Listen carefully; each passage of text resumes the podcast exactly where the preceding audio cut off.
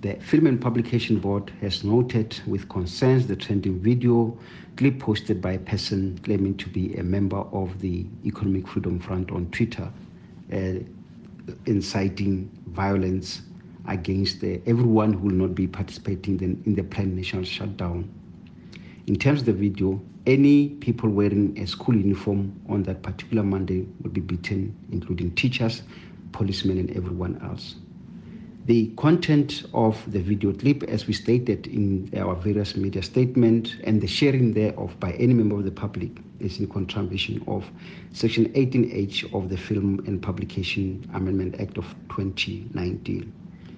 As the FPB, we want to uh, encourage members of the public not to share the video because they will equally be held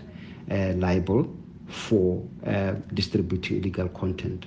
which, in terms of the Act, um, they, they will be liable for a fine of 150,000 or a two-year imprisonment. As the Film and Publication Board, we have taken reasonable steps provided for in the Amendment Act, which includes reporting the matter to the media platform, Twitter, to take the matter down. Secondly, we have reported the matter with the South African Police Services so they can do the investigation. On our part, we want to request members of the public